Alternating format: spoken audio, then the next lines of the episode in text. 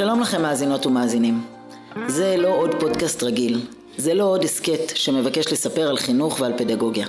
הפרקים הבאים מבקשים לתפוס רגע בזמן, להביא קולות וצלילים, תובנות ורשמים, מתקופה חד פעמית, תקופת מבחן גדולה בישראל.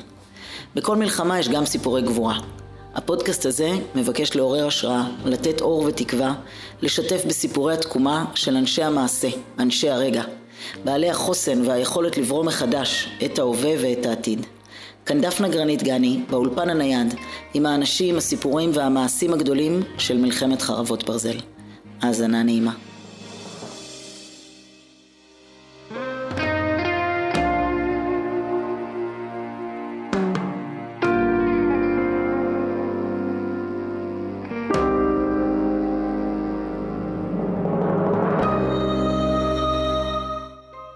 שלום רב לכם, מאזינות ומאזינים, אני שמחה מאוד ששבתם אלינו, והיום אני מארחת באולפן שתי נשים יקרות ואהובות במיוחד, דלית קוטלר, שהיא מנהלת הגיל הרך במועצה אזורית אשכול, והיא גם תושבת מושב תלמי יוסף במועצה, ובניסיונך הרב היית גננת 25 שנים אה, בקיבוץ סופה, ברוכה הבאה, דלית יקרה. תודה רבה, מתרגשת לבוא. וגם את יונית חורב, שהיא אימא לחמישה, תושבת כפר מימון במועצה אזורית שדות נגב, שהיא גם אה, מרצה כאן במכללת K בתוכנית מגשימות, ומלווה אה, ועוזרת אה, בכל הנושא של הגיל הרך במועצה האזורית אשכול כבר שנים ארוכות, וגם היום במלחמה.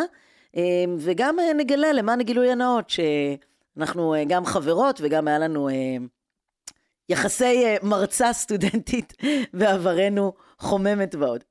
אז ברוכות הבאות, ואנחנו יוצאים לדרך, זה פודקאסט, אה, זה פרק מאוד מאוד אה, מעניין.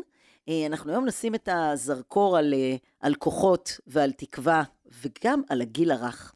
ואנחנו נצא לדרך בזה שתשתפו אותנו רגע באיפה הייתם בשביעי לאוקטובר. מה, איך הכל התחיל? מה קרה? אז אני גרה בתלמי יוסף, והתחילו, כמו שכולם יודעים, בשש ורבע ועשרים ממש מטח קסאמים אדיר, ואני שואלת את האיש שלי, מה, הרגנו להם מישהו בלילה? מה קרה? כן, אנחנו יודעים שכבר שבוע יש על הגדר, אה, מגיעים עד הגדר.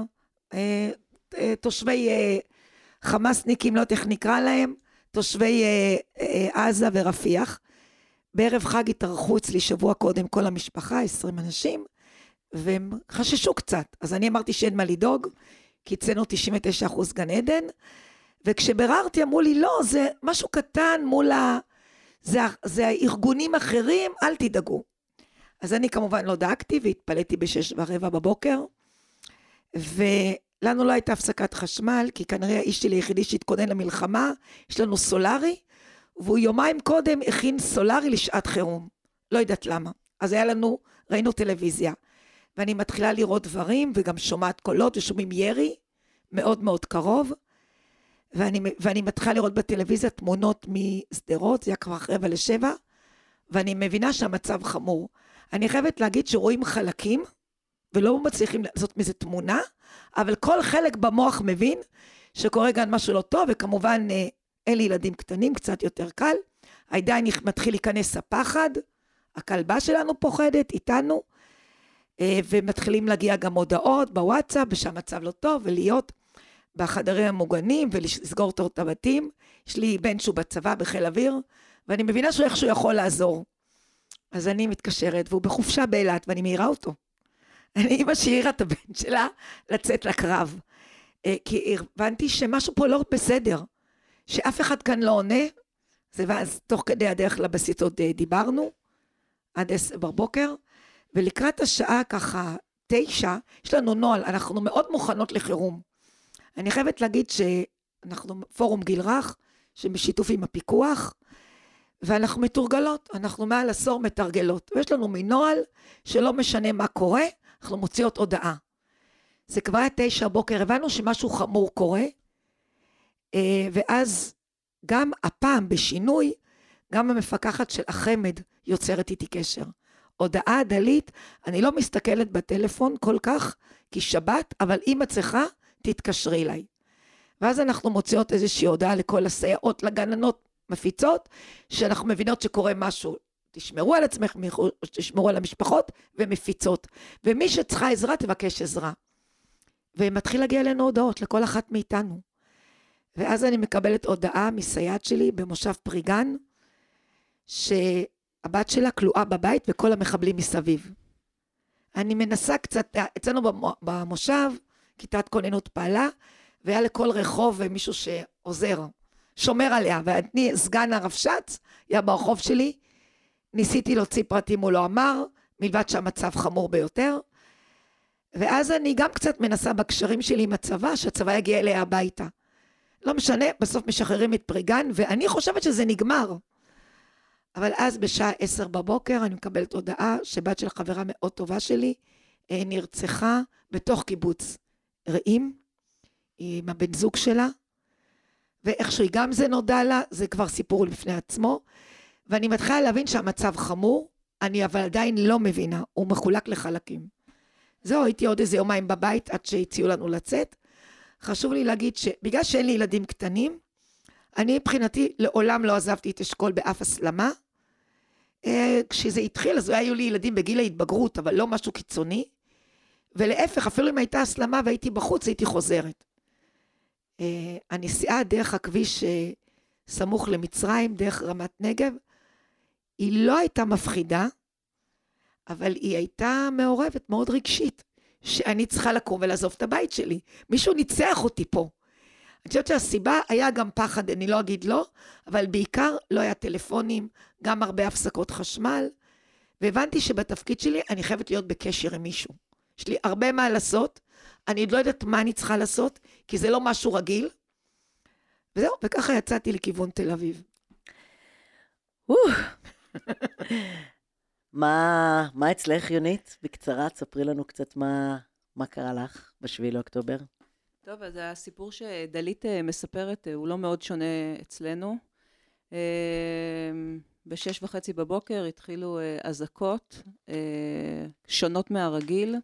האיש שלי הוא איש צבא, מיד ניסה להגיע לאוגדה, לכביש 232.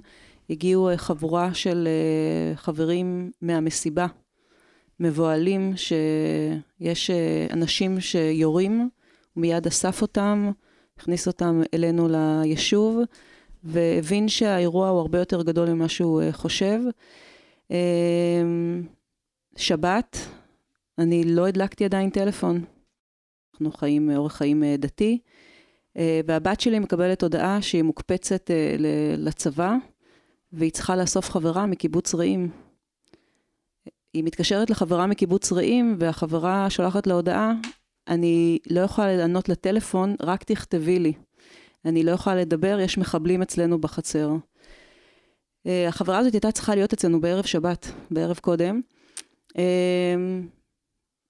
הרגשתי שזה לא הגיוני, זה לא יכול להיות, ואמרתי לשירה שהיא יכולה לצאת למילואים, ואז יותר מאוחר, לקראת 12-1, האיש שלי חזר וביקש שאני אדליק את הטלפון. אפילו הסתמסנו, אני חושבת.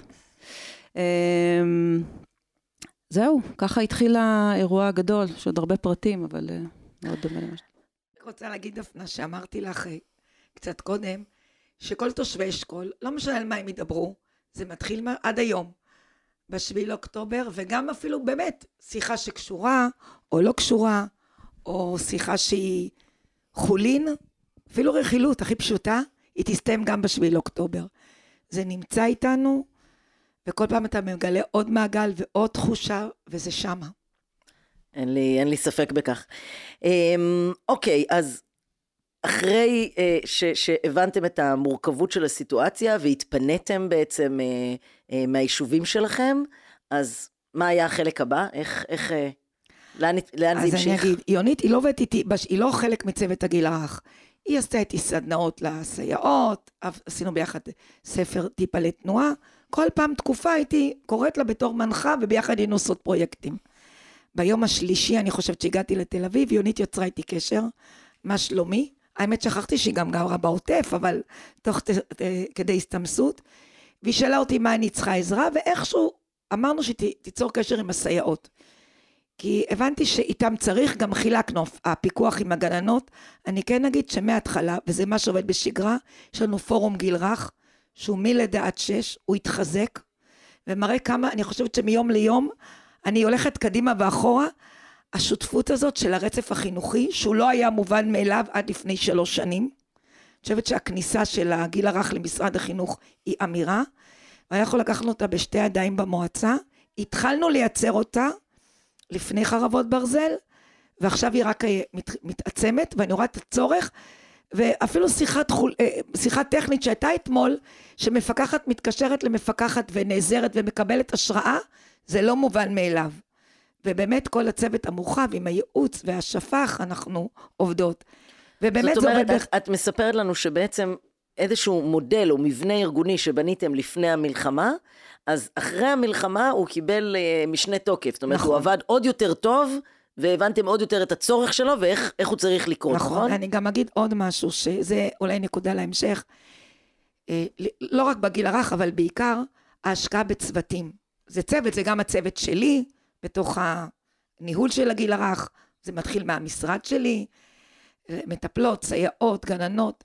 יש מטפלות, יש סייעות, תפקידים שונים, זה רצף על שש שנים, התפתחותיות שונות.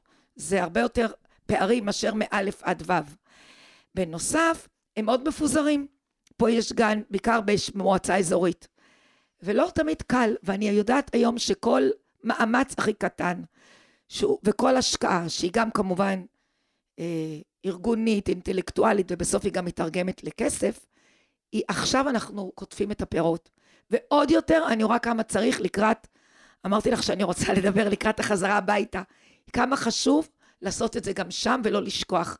כי איפה שלא עשינו מספיק, ואני יודעת להגיד, אני מקווה שאני אמנה לטובת דייה, אין לזה סוף, אני רואה את החורים האלה עכשיו, וגם נוצרו עוד, וזה מאוד מאוד חשוב ההשקעה בצוות. אז נחזור ליונית. אז אני, אני, אני אגיד שהנושא הזה שאת מדברת עליו, של ההכנה בשגרה והפעלה בחירום, זה ממש משהו שעולה בכל הפרקים שלנו. זאת אומרת, בכל הפרקים, האנשים שאני מראיינת בעצם אומרים לי, תשמעי, אנחנו כבר התכוננו, ידענו, תכננו, ידענו מה, מה יכול לקרות, ועכשיו ראינו איך זה עובד, וגם ראינו מה לא עובד. נכון. מה שלא עבד בשגרה, ראינו את זה עכשיו גם בחירום, גם לא עבד. נכון. אז זה בהחלט אה, סוגיה מאוד מאוד אה, מעניינת. אז, אז תמשיכו, אז, אז החלטתם ואז- לאסוף ואז- נתונים ואז, ו... ואז בעצם היא אספה נתונים. רגע, אני רוצה להגיד כן. משהו. אני נמצאת בהרבה שדות בגיל הרך, בהרבה אזורים, מרחבים, אה, תפקידים, ולאורך העשר שנים שאני מכירה את המועצה האזורית אשכול, ההשקעה בצוותי הגיל הרך, לא רק בגננות סייעות שנמצאות בתוך הגן או המטפלות, איזושהי ראייה, ראיית על, הייתה שונה ממה שאני מכירה במרחבים אחרים. מאוד מאוד uh, בלט. כמו למשל הסדנאות שליוו את הסייעות ב- בתקופה, בחמש, שש שנים, האחר... בעשור האחרון, אה, של סייעות חירום, אה, חוסן לסייעות, אבל השקעה עם ירידה לפרטים. מה זה אומר סייעות חירום? אז אני אגיד, קודם כל יש לנו הרבה מעגלים. חלק מהמעגלים זה גם אה, צוות, אה, צוותי המנהלות חינוך שאנחנו עובדים איתם, וגם אה, בגני המושבים והחלוציות זה מפוזר, כי בקיבוצים זה יותר מאורגן וסגור. ובעצם הקמנו מין צוות שהוא ייתן מענה בשעת חירום. אז זאת עשינו אומרת איזשהו שיש פרויקט. מחליפות? זאת אומרת שיש כאילו זה בנוסף... לא מחליפות, הן מחזקות, הן ראשי צוותים. מכיוון שוב, שאשכול נמצא כן. באזור של הרבה הסלמות, ויש uh, לעתים הסלמות ואין גנים שנפתחים, בעוד שברוב המדינה הכל מתנהל כרגיל, אז יש צוות סייעות שעבר הכשרה במהלך השנה, שנתיים, uh, שבהכשרה היה גם עניין של התפקוד, וגם התייחסות מאוד רצינית על חוסן. שבעצם אבל התפקיד שלהם זה, לת... כאשר חוזרים לשגרה, הן מצטרפות לגנים? הם גם ככה בגנים, זה בעצם אה, יותר שקורה איזשהו אירוע חירום, אז הן עוזרות, הן ראשי צוותים. אני כן אגיד שעבדנו על זה והמלאכה לא נפסקה, זאת אומרת, ברור לי עוד יותר היום כמה צריך להשקיע בתחום הזה, ובכלל, לא, אני פשוט חושבת שזה מודל מאוד מעניין, שאני לא שמעתי אותו עדיין. זאת אומרת שיש סייעות שקוראים להן סייעות חירום, כאילו בנוסף למערך הקבוע. לא, וה- הם, זה מתוך המערך הקבוע, הם פשוט כמו, אה, ראשי צוותים. אז בעצם 40 גנים ו-17 מעונות יום בעצם מופסקים לא עובדים יותר, נכון. הקהל מפוזר על פני מצפה רמון, ערבה תיכונה, ים המלח ואילת. כל המועצה הזאת פשוט מתפרסת לה, אה, ושולחים באוטובוסים, ב, ב, ככה ב, ב, באמצע הלילה או במהלך השבוע, למלונות אה, ביישובים האחרים. ומה אתם עושות? אז רק אני אגיד, אתם זוכרים את ההודעה שאמרתי ששלחנו בשבת, בעשר בבוקר? אה, לאט לאט התחילו לא רק להתקשר אליי, אני גם יודעת, לעוד חברות בפורום, מפקחות, יועצות, פסיכולוגית, התחילו להתקשר אנשים, מחנכות, אה, מנהלות חינוך, כי אמרנו, בואו, אנחנו פה. קיבלתי מוקדם בבוקר איזשהו, אה, בשל בין שבת לראשון, טלפון. בעקבות זה ששלחנו את ההודעה שאנחנו פה זמינות. אה, וגם חלק, אה, כמובן, ניסינו להסתמס תוך כדי השבת. ולאט לאט התחלנו להבין מה קרה. לא הבנו בהתחלה, אני חייבת להגיד. ואז באמת התפזרנו בכל הארץ, אנשים שכל אחד עבר משהו. אה, גננת אחת אומרת לי, היא, היא היום גרה ביישוב שיותר עורפי, אבל היא בת יש, ממועצה אחרת ביישוב שנחתה אליו טבח מאוד גדול, היא אומרת לי, דלית, כל החברים שלי נרצחו.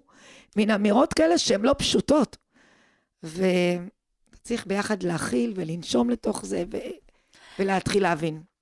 אז מה עשיתם? אז אז אני אגיד שהגיל הרך הוא בעצם הנשמה של הקהילה, של המשפחה. והם הגיעו למלונות, ואני צריכה להגיד תודה לכל המלונות בארץ ישראל, שקיבלו את התושבים שלנו.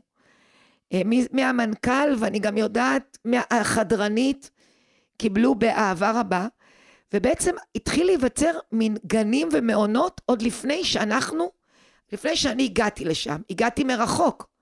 תכף גם יונית, שהיא הייתה בקשר עם מנהלות חינוך והיא עזרה לי. אני אגיד תכף לפני כן, הקשר עם יונית, בעצם ביום השלישי או הרביעי למלחמה, מצאתי את עצמי מהצוות שלי, לא באשמתו, מישהי מקיבוץ בארי, מישהי מנתיבות עם שני ילדים קטנים, אה, בעצם לבד. יש לי את המנהל שלי, שהוא מקסים, אבל הוא חדש בתפקיד, ואני כמעט לבד. ואז תוך שבוע הבנתי שאני, מישהי תבוא לי, ויונית באה לי פתאום.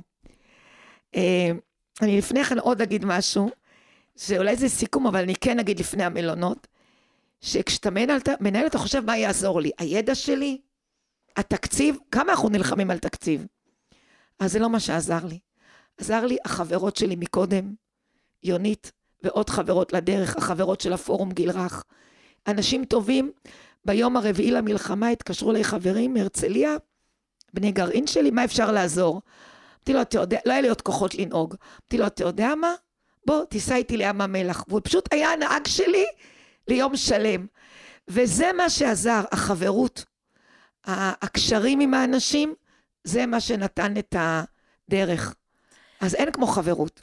אז נסעתם לים המלח. אני אספר שבשבוע הראשון, כשהתלוויתי לדלית, אז ההגעה שלנו לים המלח, לאילת, למרחבים, היו מאוד מאוד איטיים ומאוד מאוד מורכבים.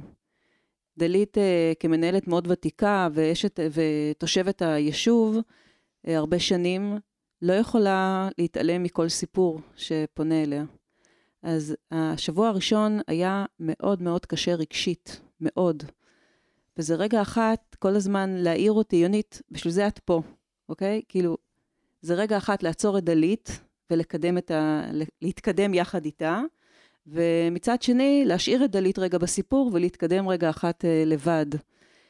אה, אז ככה היה השבוע הראשון. היינו מגיעות בערב למלון, מותשות נפשית, פיזית, רגשית. היה מאוד מאוד uh, קשה.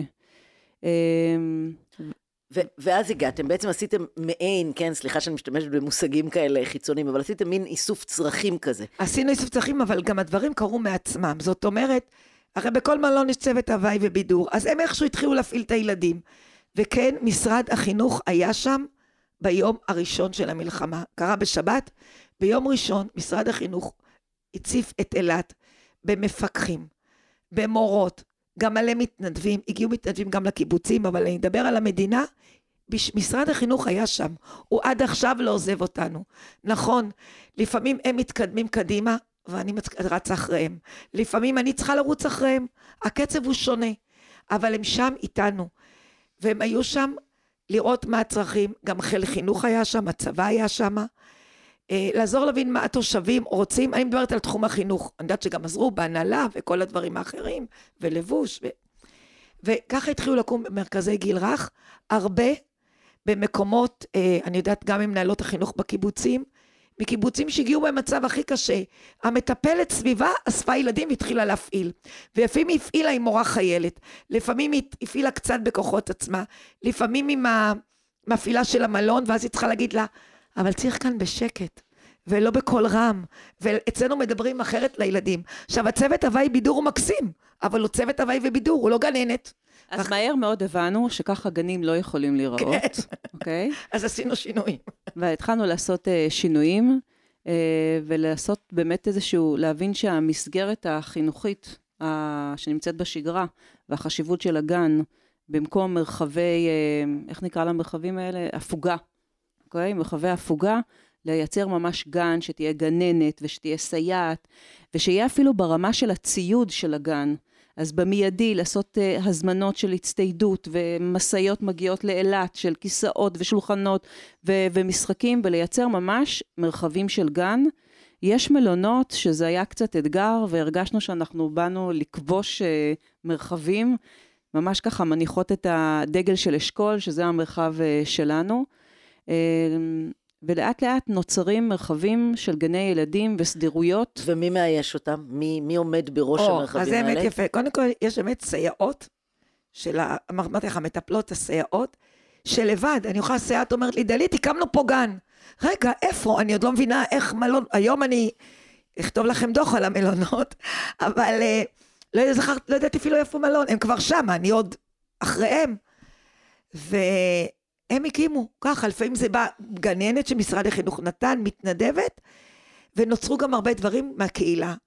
ואני חושבת שנוצר שם משהו, ככה תוך שבוע, עשרה ימים, יש קהילות שלקח להם זמן, הם חיכו אחרי הלוויות, זה היה מאוד מאוד ככה, אבל תמיד היה איזה משהו שנוצר לילדים, ובעצם נוצר קשר בין הורים להנהגות קהילה, לצוותי חינוך, למשרד החינוך, לרשות, משהו טוב נוצר שם. נכון, גם בטוב, כמו כל משפחה, יש מתחים, צריך גבולות, צריך הנהגה, אבל נוצר שם משהו שהיום שעשיתי סיור חזרה הביתה, אני גם עברתי בקצת קהילות שכבר הגיעו, חשוב לדעת איך ניקח את זה לדרך הטובה, למה שהיה לנו שם. זאת אומרת, את מדברת על, על אה, איזשהו חיבור מאוד מאוד אותנטי, שפשוט קם מלמטה בין הנהגות המושבים או הקיבוצים, אה, כלל ההורים והצרכים שלהם, ההורים של הילדים, והגופים החיצוניים. וצוותי החינוך. וצוותי החינוך, משרד החינוך, המלון וכל הדברים האלה, פתאום משהו, משהו התרחש ונוצר. אני אומרת שנוצר משהו מאוד, אה, מאוד טבעי ומאוד נכון, השותפות עם משרד אה, החינוך. אה, עם המפקחות שנמצאות אה, בשגרה והמפקחות החדשות שהצטרפו לתוך התהליך הזה. אני חייבת אבל כן להגיד שבאמת הראשונות שהגיעו לעבוד זה הסייעות. פשוט הן הראשונות שהגיעו, זה משהו שלי מאוד חשוב אה, להגיד, לא שחלילה גננות לא הגיעו, הן הגיעו והן עובדות מאוד יפה ו, ואנחנו זקוקים, זקוקים להן מאוד, אבל הראשונות שהגיעו לעבוד אלה הסייעות. כן, וגם היו כמה בהחלט, אה, על הנושא בכלל של גננות, גם תבינו שנגיד גננת, יש לנו גננת מאחד הקיבוצים, צמודי הגדר, שהיא לא עובדת בגן שלה, אבל היא לקחה את האחריות לעבוד. זאת אומרת, כל השינוי, אתה, לא, הם לא עבדו בגנים שלהם, לא עם הילדים שלהם. אחר כך כבר התחילו גם לעבוד עם ילדי שדרות וקריית שמונה, גם שם היה לנו חיבורים, שזה גם מעניין. ובעצם כל השותפות, אני אגיד על הגיל הרך. אז בעצם יש איזשהו סוג של גמישות מאוד מאוד, מאוד גדולה. מאוד, גמישות חינוכית גדולה. זאת אומרת, גם בנייה של משהו מאוד מותאם וקשוב לקהילה ולצרכים ולמה שקרה באופן ספציפי במלון הזה או בסיטואציה הזאת, אבל גם באמת, גם האנשים עצמם משנים את התפקידים שלהם פר, פר צורך. ממש. אני, אני יודעת שזה, אני גם אגיד עוד משהו שעל הגיל הרך, שביום יום הוא לא פשוט. הוא לא תמיד כל התקציבים שם, אני רואה מהלך מאוד חשוב, אמרנו של משרד החינוך, מעבר מעונות יום למשרד החינוך, הרבה מאבקים, וגם לא תמיד התהילה אליו. אה, יותר קל לבוא לבית ספר ולהראות אה, חדר מחשבים חדש, או אפילו בית ספר יער, מאשר גן יער, 15 ילדים שהולכים לחורשה. אבל הוא הלב הפועם, בלעדיו ההורים לא יכולים, אם לא ניתן להם טיפול, וגם אנחנו יודעים שזה עתיד. כל מה שאתמול הייתה לנו פגישה, חזרה הביתה. אמרנו, מה שנשקיע בשש שנים הבאות, וגם היום, זה בעצם כדי שיהיו לנו בתור ילדים אחר כך ואזרחים, כל השקעה היום היא לעתיד, ואנחנו רואים את זה. ולכן חשוב לי, תעזרו לנו להפוך את הפירמידה. תעזרו לנו להשקיע בזה. אוקיי, אז... יש לי עוד אירוע אחד שאני חייבת לספר עליו. מיד... היינו, היינו באילת, והיינו צריכים מנהלת גיל רך לאילת. ואז פרסמתי בקבוצת מנהלות הגיל הרך, השותפות שלי מכל הארץ, שאני מחפשת מישהי. חשבתי, תבוא מישהי, קיבלנו הרבה קורות חיים. בעצם אתן מספרות לנו סיפור שאנחנו כבר ככה התחלנו לשמוע אותו גם בפרקים נוספים, שממצב של משהו שהוא מאוד bottom up, כאילו עלה מלמטה, מצוותי הפוגה, לאט לאט משרד החינוך והרשות בעצם לוקחים חזרה את המנדט, מייצרים את הסדירויות, מייצרים את ה... נכון. עוברים לשלב הבא של שגרת חירום, וככה בעצם מתנהלים כמעט חודשיים ומשהו. והיום דלית, את כבר מזכירה לנו את השלב הבא, את השלב של ההסתגלות למצב חדש, ואת הרצון הגדול של המדינה להחזיר את כולם הביתה, אה, וזה כמובן אה, מהלך מאוד מורכב. אה, מאוד שלא, הדלת לא פתוחה מבחינת התושבים, הם לא מרגישים מספיק ביטחון, הם לא מרגישים שהם יכולים לסמוך, יש פה מגוון שונה של אינטרסים. אז אם הזכרת מקודם את הגיל הרך בהקשר הזה, אז, אז מה אתם חושבות על זה? מה, רגע, מה, מה עמדתכם בנושא? לפני שנעבור לשאלה שלך, מה שקורה אצלנו באשכול, זה שיש אה, לא מעט קיבוצים שלא חוזרים הביתה, לא בזמן הקרוב. והעבודה אה, זה מול רשויות קולטות, אה, שזה פשוט מרגש, שאנחנו יוצאות אחרי כל אה, פגישה, לפגוש אה, רשות קולטת ועד כמה היא רוצה לתת ועד כמה היא מחבקת, אבל מצד שני זה גם מאוד קשה. כי זה להיפרד מקולגות, מקיבוץ, מילדים, לתקופה. יש uh, קיבוצים שעוברים לשנתיים, יש קיבוץ שעוברים לשנה, ויש כאלה אפילו לכמה חודשים, אבל המחשבה הזאת היא שהם מהמלון לא חוזרים לאשכול, היא מחשבה מאוד מאוד קשה. אז גם התקופה הזאת, שאנחנו עוד רגע לפני החזרה הביתה... לא, אז לזה, לזה התכוונתי. זאת אומרת, את מתארת לנו שיש בעצם שלושה תרחישים, נכון? בו זמנית שקורים עכשיו. תסבירי לנו. אחד שנשתראו, קודם כל לקבל לחזור הביתה זה כמובן מאוד אישי. המרחק שאתה נמצא מהגבול, יש לנו כמה יישובים שחזרו כבר, כי הם מעל שבעה קילומטר מהגבול. אמ, זה גם מאוד אישי. אה, אז יש תושבים קצת שחזרו והם כן רוצים כבר מערכת, בטח גיל רך, בית ספר כמובן גם. ויש לנו תושבים שנשארו עדיין באילת, וגם המדינה כרגע אומרת עד סוף פברואר. אז בעצם אנחנו, וכאלה שכבר התחילו מעבר, מעבר לרשות האחרת, שוב, משנה עד שנתיים-שלוש. אה, וכאלה שגם לא יודעים להגיד להם מתי הם יחזרו. אז בעצם אנחנו עובדים בו זמנית, אה, די חילקנו את העבודה, משתדלות. יונית שמנו אותה בכיוון של השילוב ברשויות האחרות, אבל כמובן גם אני צריכה לעשות את תהליך הפרידה. הוא לא פרידה, אני הייתי כנה עם עצמי, וזה לא פשוט. כי זה רגע שאף אחד לא רוצה להרגיש אותו. זה לא שאני עוזבת אותם, והם לא עוזבים אותי, אבל זה כבר לא כמו בבית. ולדעת לשחרר, אה, ולהגיד, משרד החינוך יש מקומות שיותר נשאר, כי פיקוח זה שונה מרשות. מחוז. אה, מחוז זה הדרום, הרוב גם בדרום נשארים.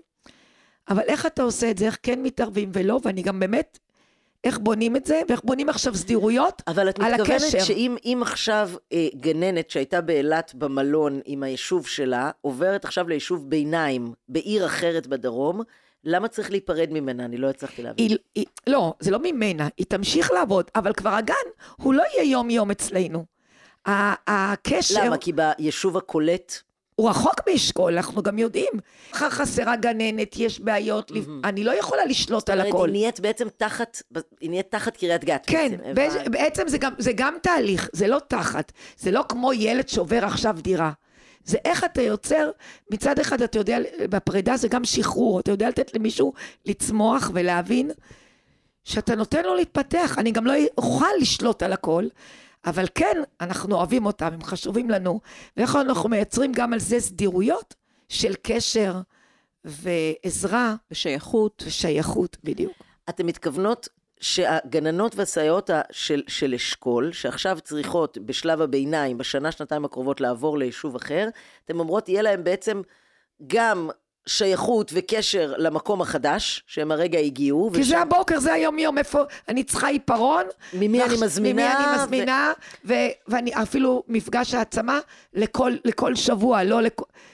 ו... זאת אומרת, ליווי, פיתוח מקצועי, כל בדיוק. הדברים האלה, ובנוסף אתן אומרות, אנחנו עדיין רוצות לשמור איתם על קשר, אה, גם ביישובים הזמניים האלה, לא נכון. לאבד את הקשר לאשכול. נכון. אוקיי. אז זה אופרציה אחת.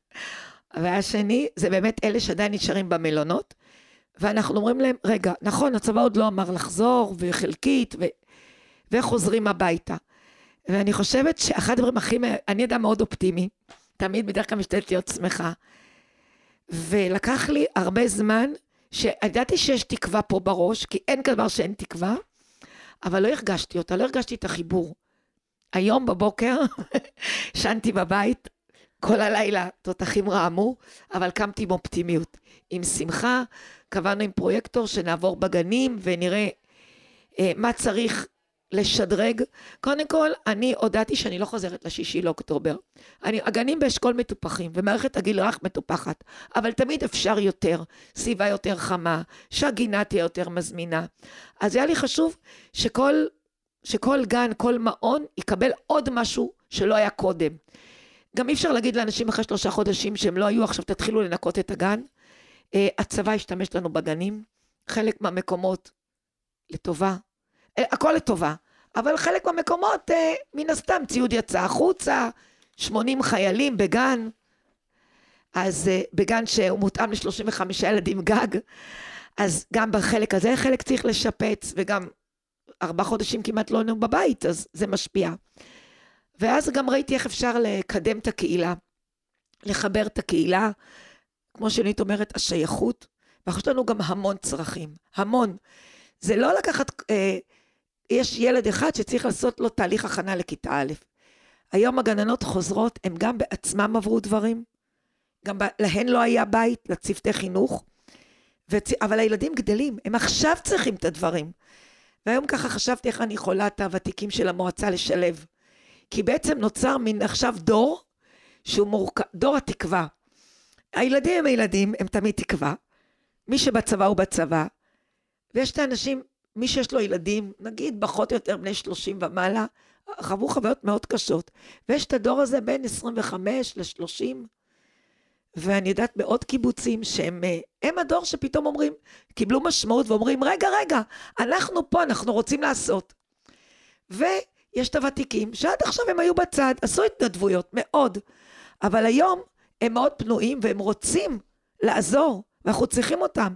אני צריכה אה, גננות, ותיקות, מורות שיעזרו בהכנה לכיתה א', אה, אולי סבא שיעזור לנו בכל מיני דברים בארגון הגן.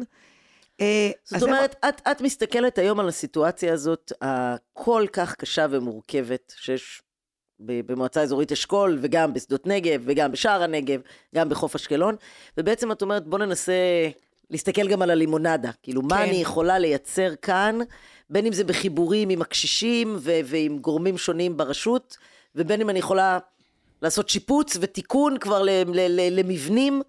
אה, כדי שבאמת זה יהיה מספיק אטרקטיבי ואנשים יסכימו לחזור אה, ולבנות מחדש את הסביבת, את העוגן חיים שלהם סביב הדבר הזה שנקרא חינוך. נכון, ודלית ככה התחילה ודיברה בהתחלת השיחה, שהגיל הרך הוא באמת אה, אחד המנועים ליצירת קהילה. וזה בדיוק, בדיוק זה. זה לדעת רגע אחת לקהילה לצרף את הדור הוותיקים, את דור המייסדים, את הדור הביניים, זה בדיוק, זה בדיוק לזה התכוונה. אוקיי, אז אנחנו ממש לקראת סיום, והייתי רוצה שתשתפו אותנו רגע בעוד איזה תובנה או שתיים שיש לכם מה, מהתקופה הכל כך אה, סוערת ומורכבת הזאת, ומה, ומההצלחה הרבה שלכם, כאילו שאם יש, לא כאילו, סליחה, ומההצלחה הרבה שלכם לייצר מחדש את uh, מערכת הגיל הרך באשכול ולהקים, אני לא יודעת אם המאזינות והמאזינים הצליחו להבין את זה מהשיח שלנו, 32 מרכזים חדשים, משולבים, גם, גם uh, uh, מעונות יום וגם uh, גני חובה וטרום חובה ו, וממש כל המערכת, ובעצם באמת לתת את המענה הזה, הדבר הזה ששום אבא ושום אמא לא יכולים לחשוב כשהם צריכים לטפל בילדים כל הזמן. אז, אז אה, אין ספק שזה דבר מאוד מאוד אה, חשוב ויקר. אז, אז איזה תובנות יש לכם על ה... מתוך החודשיים האלה? אני אומרת שאני חושבת שההשקעה בצוותים, וזה גם במעבר עכשיו, אה, היא מאוד מאוד חשובה. גם עכשיו, ברור לי, לא תמיד לציבור קל להבין, כי לפעמים להשקיע בצוות זה אומר שעוד יום, עוד יום יחכו עד שייכנסו לגנים. אנחנו צריכות לעשות איזה יום עיון, או תוך כדי אה, ימי עצירה לרגע.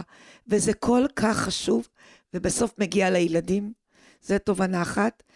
ותובנה שנייה, באמת, ה... הילדים עצמם, שהם צריכים ליצור להם סביבות נעימות, פתוחות, גמישות. אה, מגיע להם, הם זקוקים לזה. ואני חושבת, אה, התובנה אולי השלישית, זה באמת כל נושא השותפויות עם הסדירויות, להמשיך. זה אם אני יכולה לכל אדם הכי בכיר במשרד החינוך, לא רק מחוז דרום, להרים טלפון, והוא חוזר אליי, אז אני רוצה להמשיך את זה. לא לנצל את זה, אבל להמשיך את זה. וחשבתי כאילו מה, כתבתי לי מה אני צריכה לעשות, מה התפקיד שלי. אז אני אומרת את זה לעצמי קודם, להניע את עצמי, להכיל את עצמי, לחלום ולרקום תקווה, ואת זה אני רוצה לעשות עם כולם. להניע, להכיל, לחלום, וביחד שנרקום תקווה. תראי, באשכול הרבה שנים כבר מתייחסים אל החוסן, גם אל הצוותים וגם, וגם עם הילדים. יש שם את מרכז החוסן, את השירות הפסיכולוגי ש... ואת המערך של אגף החינוך והגיל הרך.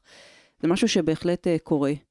אני חושבת שהייתה הרבה למידה, אוקיי? בתקופה הזאתי, גם לגננות ולסייעות ולצוותי החינוך שהיו בתוך המערכת, שאפשר להסתדר אה, בכל מרחב, ואפשר לייצר ממרחב שהוא לא תוכנן להיות גן, שהוא יהפוך להיות אה, גן ילדים. אחד הדברים המאוד משמעותיים שליוו אותנו בתקופה הזאת, בעיניי זאת השותפות הגדולה מאוד שיש, אה, אם זה עם הקהילות, עם המשרד, עם משרד החינוך והרשות. אה, זה משהו שככה, אחת התובנות בעיניי המשמעותיות ש, שיש.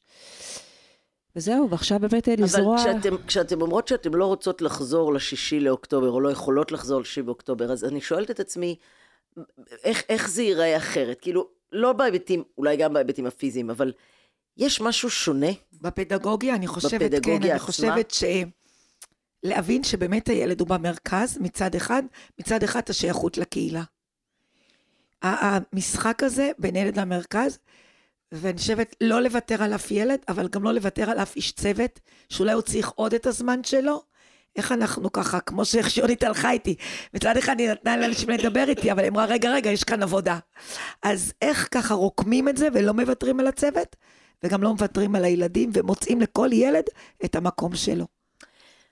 גם uh, ככה אנחנו מנסות uh, לבנות איזשהו מתווה חזרה הביתה, מתוך התובנות של משהו שלא יכול לחזור להיות uh, כמו שהיה קודם. אנחנו מבינים שהצוותים הם לא אותם צוותים, הילדים הם לא אותם ילדים, ההורים הם לא אותם הורים, והרשות היא לא אותה רשות. ולכן היום לימודים ייראה אחרת. אם זה מתחיל בנושא של התקינה, של כמות ילדים בתוך גן, לא יכול להיות גן של 35 ילדים עם שני, שתי נשות צוות. אנחנו צריכים קרוב ל-20 ילדים ושלוש או ארבע אנשי צוות בתוך זה. ברור לנו שהלמידה צריכה להיות הרבה יותר חווייתית אה, בגן, שזה קורה הרבה, אבל לתת לזה יותר אה, דגשים. זהו. אה, ובטח תהיה התייחסות גם ל... גם, גם באמת ל... את יודעת, התייחסות רגשית אה, למצב החדש הזה, כשאת אומרת הילדים הם לא אותם ילדים והצוותים הם לא אותם צוותים, כן. זה משפט אה, נכון, ככה נכון. שיש אה, לעצור ולהתבונן בו עמוקות. נכון, תספרי על אני חושבת... מה? תספרי על התוכנית. כן, אנחנו בונים עכשיו תוכנית חזרה, וברור לנו שהצוותים צריכים לעבור גם עיבוד אישי, וגם עיבוד בכוח קבוצתי, הכוח של הקבוצה, וגם להבין מבחינה פסיכולוגית מה הם עברו. אם מסבירים לך, כן, בהתחלה, אני למשל הבנתי, שזה שראיתי תמונות תמונות, והמוח שלי לא הצליח לעשות סיפור אחד, זה בסדר, זה נורמלי, ככה זה עובד. אה, זה להגן על עצמנו בסופו של דבר, וזה גם ככה המוח מסוגל לעבוד. ובאמת אה, מישהו, אה, אמרתי איך אנחנו מניעים את התקווה, את היכולת. אז זה גם, גם עניין רגשי, וזה תהליך ממש שאנחנו עושים, אנחנו רואים שהצוותי חינוך זקוקים לזה. אני יודעת שגם הילדים זקוקים, אבל אני, ואנחנו נותנים להם וניתן. והשקעה מאוד מאוד גדולה. אני רוצה להגיד, כשהתחלתי, הייתי גננת, ואז במשפחה ניסו להבין מה התפקיד שלי. אז יום אחד האיש שלי אמר, אה, אני מבין, אימא היא הגננת של הסייעות, של הגננות, של המנהלות חינוך. אז אני יודעת שאם אני אתן להם, ואני מלא להם, הם כבר ישפכו, יותר ממני אפילו, את, ה, את האהבה, את הידע, את המקצועיות הלאה.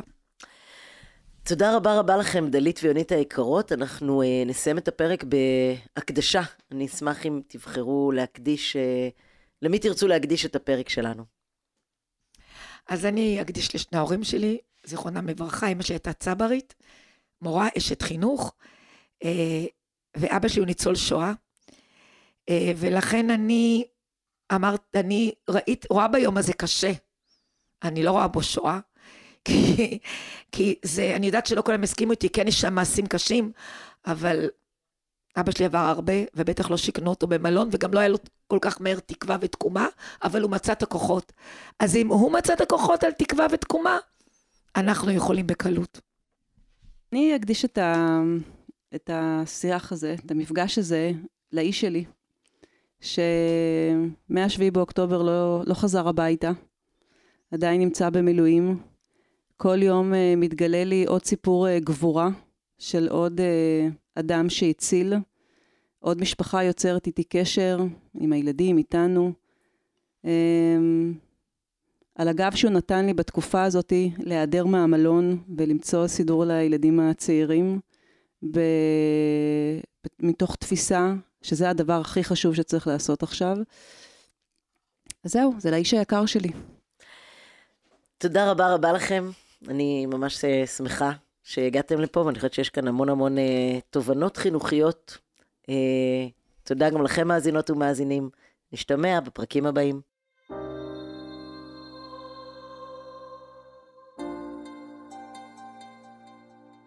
ההסכת הזה מוקדש באהבה וגעגוע לשלוש נשים יוצאות דופן, נשות חינוך פורצות דרך, אקטיביסטיות, אופטימיות ומעוררות השראה, שזכיתי להכיר. תמר קדם, לבנת קוץ ויסמין זוהר, שנרצחו בשביעי לאוקטובר עם משפחתן. אנא, המשיכו לשמור עלינו מלמעלה. תודה לחגי גלילי העורך ולמכללת קיי על ההפקה. thank you